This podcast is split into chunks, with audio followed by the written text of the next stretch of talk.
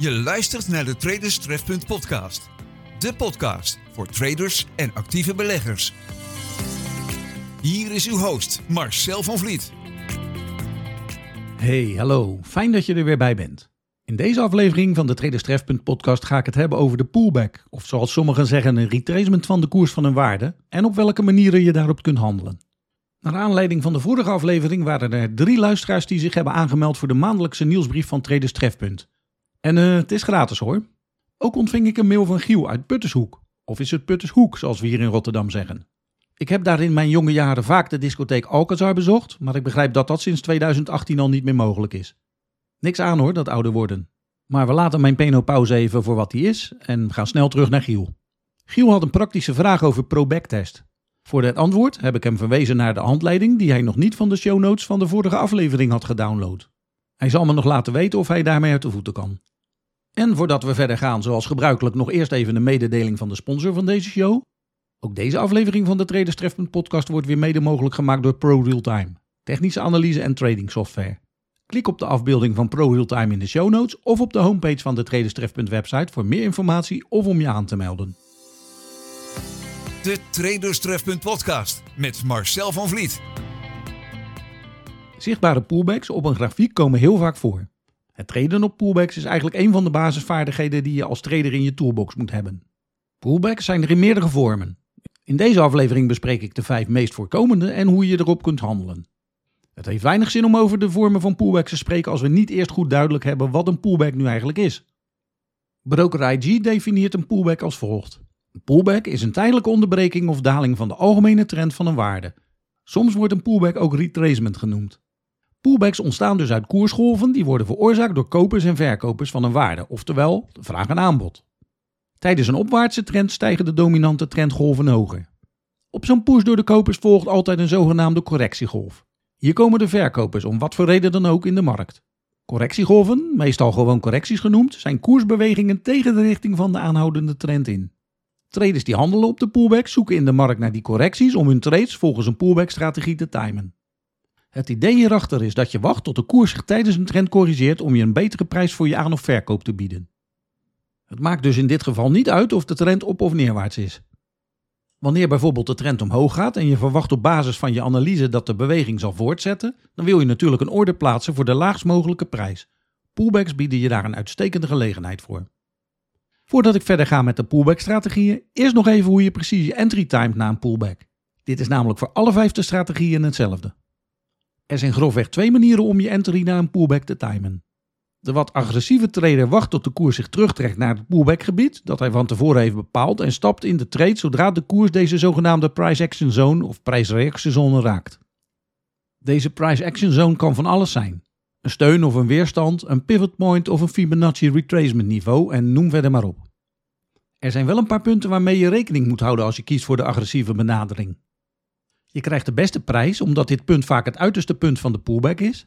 De potentiële risk-to-reward verhouding is het hoogst omdat de stoplosorde zeer krap kan worden geplaatst. Maar natuurlijk is er ook een nadeel en dat is dat je de orde tegen de trend in plaatst. Want je weet van tevoren immers niet of er sprake is van een pullback of een kantelpunt.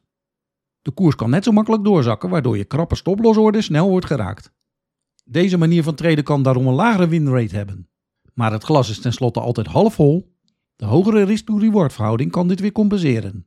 De tweede aanpak is die van de conservatieve trader. Deze trader wacht tot de koers de trend na een pullback weer voortzet.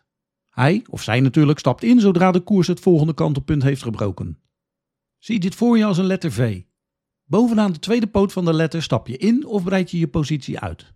Met deze aanpak gaat de trader mee in het momentum. De entry op de conservatieve manier is later en daarom is de potentiële risk-to-reward verhouding ook kleiner. Let wel, er is geen goed of fout. Het komt neer op je persoonlijke voorkeuren en waarbij je je zekerder voelt. De eerste en meest voorkomende pullback-strategie is de pullback na een breakout. Zelf handel ik vaak met deze strategie, alleen noem ik hem anders. Veel van mijn volgers en luisteraars hebben mij deze pullback al vaak de last kiss horen noemen. Breakout pullbacks vinden plaats na het doorbreken van een sleutelgebied. Dit kan bijvoorbeeld een steun- of weerstandsniveau zijn, of prijspatronen zoals het kop- en schouderspatroon, wigger, driehoeken of rechthoekpatronen, of op de kortere termijn een candlestickpatroon. Breakout pullbacks komen zo vaak voor dat het wel verstandig is om je stoplosorde niet te snel naar break-even te plaatsen. Zelf houd ik mijn stoplosorde consequent op een afstand van 1,5 keer de average to range. Dit maak ik voor mezelf simpel door de ATR14-indicator van Wallace Wilder als stippen op mijn grafiek weer te geven. Maar ik ken ook traders die hiervoor de Parabolic SAR-indicator of een andere methode gebruiken. Misschien een leuk onderwerp voor de volgende aflevering. De tweede pullback-strategie is de trapsgewijze methode. Omdat de markt in een trend zich altijd trapsgewijs beweegt, is dit een veel voorkomende manier om op de pullback te traden. Het komt erop neer dat in de trend op de grafiek horizontale niveaus worden getekend. Iedere weerstand wordt tijdens een opwaartse trend een steun en iedere steun wordt tijdens een neerwaartse trend een weerstand. Het maakt dus niet uit of je een opwaartse of een neerwaartse trap bewandelt. Deze pullback-strategie heeft veel overeenkomsten met de eerder besproken breakout pullback. Ook hier vindt de pullback plaats vanaf een kantelpunt op de grafiek. Maar het grote voordeel voor de trader is, is dat als hij de eerste treden van de trap heeft gemist, er waarschijnlijk nog wel een aantal zullen volgen. Al is dit natuurlijk wel afhankelijk van voldoende volume om de trend te laten voortbestaan. Naast het voordeel van de tweede kans, kunnen de treden van de trap op de grafiek ook worden gebruikt om de stop-loss-order in de goede richting te verplaatsen. Dit staat bekend als het trailen van de stop-loss-order. Bij de derde pullback-strategie draait het om trendlijnen. Trendlijnen worden ook veel gebruikt voor een pullback-strategie. Maar ook aan deze strategie kleeft weer een nadeel. Het nadeel is dat trendlijnen vaak langer nodig hebben om als trendlijn bevestigd te worden. Voordat een trendlijn een trendlijn genoemd mag worden, moet de koers eerst minimaal drie keer de op- of neerwaartse lijn hebben geraakt. Het is makkelijk om twee punten op de grafiek te verbinden, maar pas als de lijn voor de derde keer door de koers wordt geraakt, is er pas echt sprake van een gevalideerde trendlijn. Het duurt dus sowieso al minimaal drie pullbacks voordat je vanaf de trendlijn op de pullback kunt treden. Trendlijnen kunnen best goed werken als aanvulling op andere pullback-strategieën, maar als een op zichzelf staande strategie kun je veel kansen missen omdat de validatie van de trendlijn langer duurt. Ongetwijfeld behoren voortschrijdende gemiddelden tot de meest populaire tools in de technische analyse. De voortschrijdende gemiddelden worden in het jargon moving averages of gewoon ME's genoemd. De ME's worden bij de technische analyse op veel manieren gebruikt. Een ervan is natuurlijk voor het treden op de pullback vanaf de ME. Welk nummer je gebruikt voor je moving average maakt eigenlijk niets uit.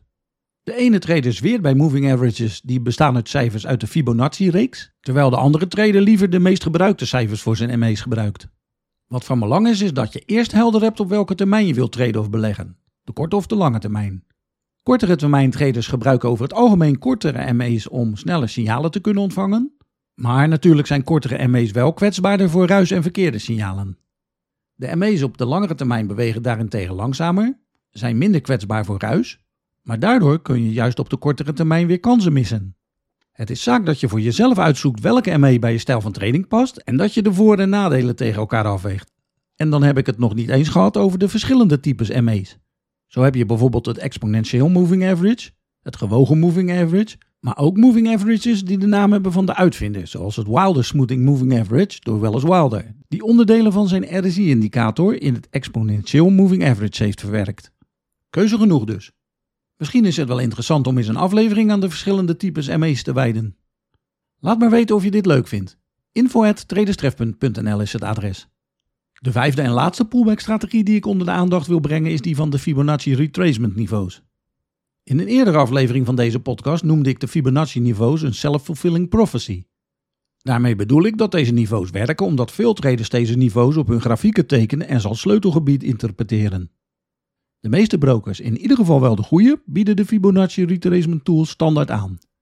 Bij een goed gebruik bieden deze niveaus veel kans om te handelen op de pullbacks, om de simpele reden dat iedereen ze in de gaten houdt. Moet ik nog wel even opmerken dat ik voor het gemak het retracement niveau van 50% bij de Fibonacci retracement tool heb gezet. Ondanks dat 50 geen getal is uit de reeks van Leonardo van Pisa. Maar het getal 50 valt wel degelijk te plaatsen onder mijn uitleg van de self-fulfilling prophecy. De Traderstrefpunt podcast met Marcel van Vliet. Met deze vijf pullback-strategieën zijn we weer aan het eind gekomen van deze aflevering van de Traderstrefpunt podcast. Heb je nog vragen of opmerkingen? Stuur ze naar info@traderstrefpunt.nl. Niets is vreemd of dom. Iedere trader of belegger heeft ooit dezelfde vragen gehad als jij. Surf naar www.traderstrefpunt.nl voor veel gratis info en meld je gelijk aan voor de maandelijkse nieuwsbrief van Traderstrefpunt en ontvang het gratis e-book Het Pinbar Project. Vergeet niet deze podcast te downloaden of te volgen via je favoriete mediaspeler. ProTime, weer bedankt voor het mogelijk maken van deze show. Dit was het weer voor nu. Ik doe je de groet uit Rotterdam en graag tot een volgende keer.